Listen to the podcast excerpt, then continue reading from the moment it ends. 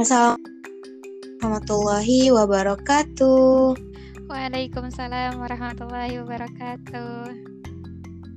Oke, kembali lagi di podcast Rebala Review bareng Nela bersama aku uh, sebagai host Rizatun Nurul Hana dengan dibersamai oleh narasumber kita yaitu Nela Rizla. Halo Nela, apa kabar? Alhamdulillah baik. Apa kabar juga Nurul? Alhamdulillah Nurul baik. Nah, jadi di sesi kali ini kita akan membahas tentang mengenal macam-macam distorsi pasar dalam Islam. Nah, eh, jadi ini Nurul mau nanya nih Teh. Eh, pertanyaan yang pertama, eh, apa sih distorsi pasar itu? Gitu. Oke. Jadi apa tuh kira-kira Teh? Nah, jadi sebelum ke distorsi pasar itu apa, aku mau bahas perkataannya dulu nih. Jadi yang pertama itu ada distorsi. Distorsi ini artinya tuh sebuah gangguan atau pemutarbalikan atau penyimpangan dari fakta yang seharusnya terjadi. Jadi sebuah gangguan pokoknya distorsi ini. Nah, pasar sendiri artinya tempat bertemunya antara penjual dan pembeli. Jadi tempat terjadinya transaksi gitu. Nah, jadi jika digabungkan, distorsi pasar itu adalah sebuah gangguan yang terjadi dalam mekanisme pasar, di mana saat pasar itu terjadi ada ketidaksesuaian dalam teori-teori mekanisme pasar, khususnya dalam Islam seperti itu. Hmm, oh ya teh. Uh, kalau misalnya nih pertanyaan yang kedua ya, uh, ada berapa bentuk sih distorsi pasar dalam Islam itu? untuk bentuk distorsi pasar dalam Islam sebenarnya ada yang bilang tiga, ada yang bilang juga empat. Nah kali ini aku coba ambil yang paling lengkap gitu ya, ada empat. Jadi yang pertama itu ada rekayasa permintaan dan rekayasa penawaran. Lalu yang kedua itu tadlis atau penipuan. Yang ketiga tagrir atau kerancuan. Lalu yang keempat ada manipulasi dalam perdagangan saham seperti itu. Hmm. Uh, boleh tolong dijelasin nggak teh itu apa aja? Oh boleh boleh. Nah yang pertama kan tadi ada rekayasa permintaan dan rekayasa penawaran. Nah jadi e, cara di pasar itu merekayasa permintaannya yang pertama bisa sering dikenal dengan bayi najasi. Nah bayi najasi ini biasanya dilakukan dengan dua cara. Yang pertama itu menyuruh teman untuk berpura-pura ingin memberi membeli barang kita dengan harga tinggi sehingga orang-orang yang melihat itu tertarik gitu untuk membeli barang kita. Sampai sini dipahamin nggak? Paham teh paham. Ya jadi misalnya, nu, misal aku jualan nih, aku jualan, terus aku nyuruh Nurul nih, Nurul tolong dong promosiin gitu, tapi kayak dengan melebih-lebihkan gitu, dengan uh, padahal Nurul sendiri belum pernah coba gitu produk aku. Tapi kayak wah enak. Terus oh ini mah berani deh beli dengan harga misal 50 ribu gitu. Padahal harga aslinya 20 ribu gitu. Nah dengan melihat Nurul yang wah kayak wah banget gitu ya uh, mempromosikannya. Jadi orang tuh tertarik gitu. Padahal Nurul sendiri belum nyoba. Nah itu uh, bayi najasi gitu ya.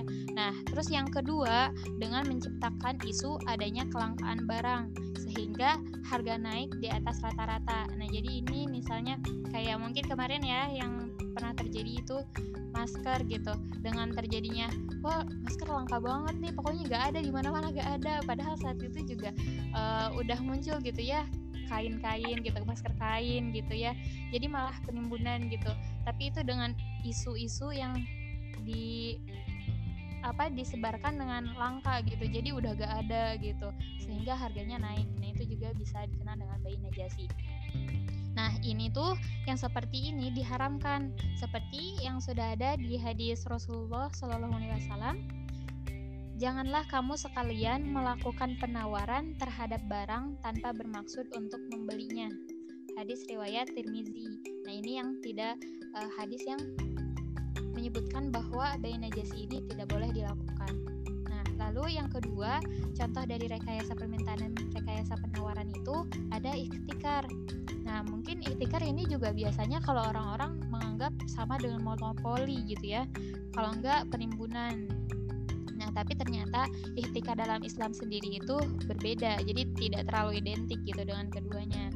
Nah, jadi dalam Islam itu sebenarnya kan kita kayak nggak peduli ya uh, ada saingan enggak gitu yang jualnya banyak atau sedikit tuh gak perlu pokoknya ya kita namanya juga jualan ya boleh boleh aja walaupun misalnya udah ada saingan di situ kita boleh masih tetap boleh untuk jualan produk yang sama nah tapi di sini ikhtikar di sini yaitu mengambil keuntungan di atas keuntungan normal dengan cara menjual lebih sedikit barang menjual lebih sedikit nih barangnya untuk mendapatkan harga yang lebih mahal sehingga terjadinya monopoli scarcity. Jadi ya kalau monopoli uh, apa pengertian monopolinya sendiri itu sebenarnya monopoli itu boleh gitu ya. Kan kita uh, dalam artiannya kayak nyimpen stok gitu ya, nyimpen naruh stok itu boleh, tapi kalau terjadinya monopoli scarcity agar terjadinya harga yang bisa naik gitu, naik tajam, nah itu yang tidak boleh. Nah, ini seperti hadis yang bersumber dari Said bin Al-Musayyad dari Al dari Muammar bin Abdullah Al-Adawi bahwa Rasulullah Shallallahu alaihi wasallam bersabda, "Tidaklah orang yang melakukan ihtikar itu kecuali dia berdosa." Hadis riwayat Tirmizi. Nah, ini udah ada hadisnya ya, seperti yang tadi. Jadi, uh, ihtikar juga tidak boleh dilakukan. Nah, lalu yang ketiga itu adalah ada talaki rukban Nah, kalau talaki rukban ini tindakan yang dilakukan oleh pedagang kota atau pihak yang memiliki informasi yang lebih lengkap membeli barang petani atau produsen. Jadi intinya kayak gini aja deh. Uh, misal nih, aku orang kota, terus ini percontohan aja ya Nurul. Iya. Yeah. Oke. Okay. Lalu Nurul uh, dari desa gitu ya. Nurul gak tahu informasi harga pasar di kota gitu. Tapi sebelum Nurul sampai ke pasar di kota, aku jekat dulu nih. Eh Nurul gak usah ke sana gitu. Barangnya jual ke aku aja gitu. Nah, itu tujuannya agar aku dapat harga yang lebih murah dari Nurul. Padahal sebenarnya kalau dijual ke pasar, ke pasar kota, harganya tuh bisa uh, lebih misal dua kali lipat gitu Nah, apa yang aku lakukan itu tidak boleh seperti itu. Nah, ini meskipun uh, saat itu Nurul sama aku tuh saudaraan. Jadi meskipun saudaraan itu gak boleh seperti itu. Nah, ini juga ada di dalam hadis uh, dari Anas radhiyallahu anhu ya berkata Rasulullah Shallallahu alaihi wasallam melarang orang-orang kota menjualkan barang orang desa yang baru datang sebelum sampai ke desa, meskipun itu saudaranya sendiri. Hadis riwayat Muslim. Nah, jadi itu dari sekian panjang tadi ada tiga ya. Ini baru distorsi pasar menurut rekayasa permintaan dan penawaran. Nah, terus tadi kan ada empat ya. Nah, yang keduanya yaitu ada tadlis. Tadlis ini penipuan artinya penipuan kan kita udah sering lah ya dengar kata penipuan berarti ditipu gitu ya.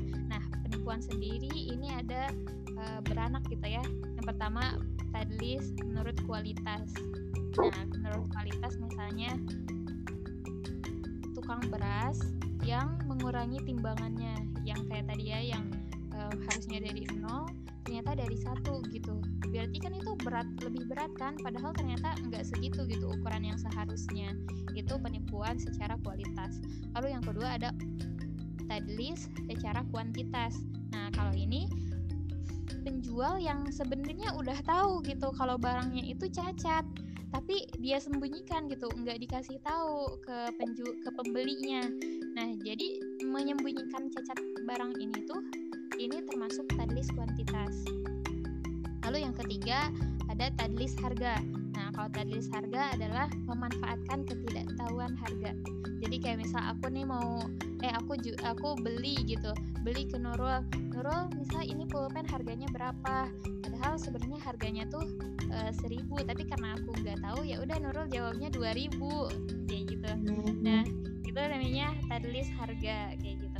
Nah, terus manipulasi gitu ya uh, iya jadi ditipu kan padahal harganya nggak segitu tapi karena hmm. nggak hmm. tahu ya dimanfaatkan gitu no, no, no.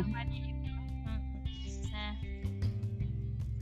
terus ada juga takdir nah ini ada juga tadlis waktu penyerahan nah kalau ini biasanya dilakukan seorang pemimpin proyek gitu ketika ditanya kira-kira ini udah sele ini kira-kira oh misal pro, uh, ininya tanda tangan kontraknya enam bulan itu selesai. Padahal pimpinan proyek itu tahu gitu ini selama enam bulan gak bakal selesai tapi beliau bilangnya enam bulan akan selesai. Nah itu merupakan tadlis dalam waktu penyerahan seperti itu. Nah, terus yang ketiga ada tagrir. Tagrir itu kerancuan atau keraguan. Jadi tindakan ya untuk merugikan yang tujuannya itu untuk merugikan orang lain. Nah, kalau tagrir, tagrir juga ada anak-anaknya nih. Jadi ada tagrir secara kuantitas, contohnya pada petani atau sistem ijon. Sistem ijon itu biasanya petani kayak menjual nih hasil panennya sebesar 175.000 misal ke tengkulak. Padahal saat itu petaninya belum belum saatnya panen gitu, belum tahu gitu panennya akan seberapa terus berhasil atau enggak. Nah, itu e, masuknya ke takdir kuantitas. Nah, terus yang selanjutnya ada takdir kualitas. Nah, kalau kualitas contohnya anak sapi yang masih dalam kandungan anak sapi yang masih dalam kandungan kan belum kelihatan. Terus uh, mungkin perkiraan aja tapi udah dijual misalnya harganya sekian juta gitu. Padahal belum tahu nih nanti anak sapinya pas keluar masih hidup atau misalnya ada cacat atau apa. Nah ini masuknya ke tagrir kualitas. Nah setelah bahas yang tagrir langsung yang terakhir. Ini ada manipulasi dalam perdagangan saham. Nah ini biasanya uh, yang membahas distorsi pasar ini nggak membahas ini sih. Nah kalau di perdagangan saham ini ada tiga. Yang pertama itu ada marking the close. Nah ini tuh rekayasa permintaan penawaran setelah mendekati tutup saham. Jadi misalnya eh, selama satu tahun ini terus kita ada di bulan Desember kan ini udah mendekati eh, penutupan saham gitu ya. Nah ya udah itu benar-benar direkayasa gitu biar pas mau tutup pas mau tutup saham kebetulan ada di uh, harga yang paling tinggi seperti itu. Nah terus yang kedua ada painting the tap nah kalau ini perdagangan misalnya uh, aku rekening antara rekening aku terus rekeningnya Nurul terus misalnya kita tuh masih satu perusahaan nih terus kayak uh, masih dalam satu keterikatan tapi kita kayak kerja sama gitu gitu. Jadi biar ada sama sih kayak rekayasa gitu. Cuma jadi jatuhnya itu nanti perdagangannya itu jadi perdagangan semu gitu. Karena karena sebenarnya kita masih satu perusahaan tapi masih tapi saling jual beli gitu di dalam satu perusahaan. Nah itu jadinya jatuhnya terus yang terakhir ada cornering the market.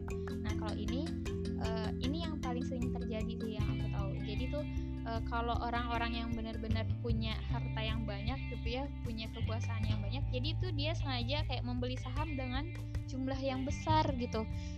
Beli jumlah yang besar agar dia bisa menguasai saham itu gitu. Biar dia mau uh, berbuat buruk pun karena itu saham dia ya itu bisa dikuasain pokoknya sama dia gitu Nurul itulah beberapa macam-macam distorsi pasar dalam bisa jadi ternyata banyak sih Masya Allah banget, banyak banget memang. Berarti teh uh, kan tadi kata teteh uh, monopoli sama ya tikar ya itu yeah. berbeda kah? Ya, jadi maksudnya monopoli yang uh, monopoli yang boleh itu maksudnya yang kayak uh, menyimpan stok aja gitu, menyimpan stok untuk hmm. dijual lagi gitu. Tapi kalau yang tidak boleh tuh monopoli scarcity Nah kalau monopoli monopoli scarcity itu ya tadi tujuannya tuh yang kayak ihtikar jadi agar dapat keuntungan yang lebih lebih lebih lagi gitu. Berarti kalau misalnya nih eh, kan kadang ada orang yang kayak nyimpen uh, kayak bahan baku minyak gitu, kayak gitu mang nggak apa-apa kan ya? Cuman kayak nggak banyak, cuman buat stok aja gitu, itu mah nggak apa-apa kan? Nah, Atau ya, nggak ya, boleh juga? Kalau itu nggak apa-apa, kan kita juga dalam oh, berbisnis pasti ada stok ya. Hmm. mengolah iya, stok gitu di dapur misalnya. Itu itu masih diperbolehkan gitu. Sepanjang tujuannya itu bukan yang seperti tadi itu tadi kan tujuannya udah menyimpang gitu ya. Iya benar. Oh, Allah emang berarti harus ya perhatikan lagi ya. Teh kalau misalnya hukum-hukumnya apa aja teh? Nah, hukumnya sebenarnya karena oke, okay, untuk hukumnya sendiri sebenarnya distorsi pasar ini seperti yang tadi udah dijelasin. Jadi distorsi pasar ini kan sebuah penyimpangan gitu ya, penyimpangan dari hukum yang seharusnya uh, dalam Islam. Sehingga sehingga dari tadi beberapa penjelasan tadi yang udah aku sampaikan itu semuanya adalah sesuatu yang tidak boleh dilakukan. Nah, seperti tadi juga ada beberapa hadis yang aku sampaikan itu sebuah ada itu semua adalah uh, pegangan atau dalil-dalil dan hadis uh, untuk kita bahwa ini memang benar tidak diperbolehkan gitu karena Rasulullah pun sudah uh, mengatakan seperti itu. Hmm, berarti ya haram ya teh hukumnya teh hmm, kalau misalnya dilakukan nah tadi udah dijelasin nih sama Teh Nela terkait uh, penjelasan dari distorsi pasarnya itu apa terus juga ada bentuk-bentuknya. Terus dikasih contoh-contohnya juga biar teman-teman juga pada paham nih kan. Bukan hanya ter sekedar tahu artinya saja tapi kayak ini tuh kayak gimana sih? Gitu kan kadang ada orang yang belum ngerti gitu. Jadi ya dari sini bisa nambah ilmu lah ya. Terus juga dikasih tahu hukum-hukumnya apa. Nah, kayaknya sampai di sini aja teh. Yang tadi itu pertanyaan terakhir. Oke. Makasih banyak ya teteh atas penjelasannya. Semoga bermanfaat buat aku dan juga teman-teman yang ngedengerin podcast ini. Aku tutup ya. Wassalamualaikum warahmatullahi wabarakatuh. Waalaikumsalam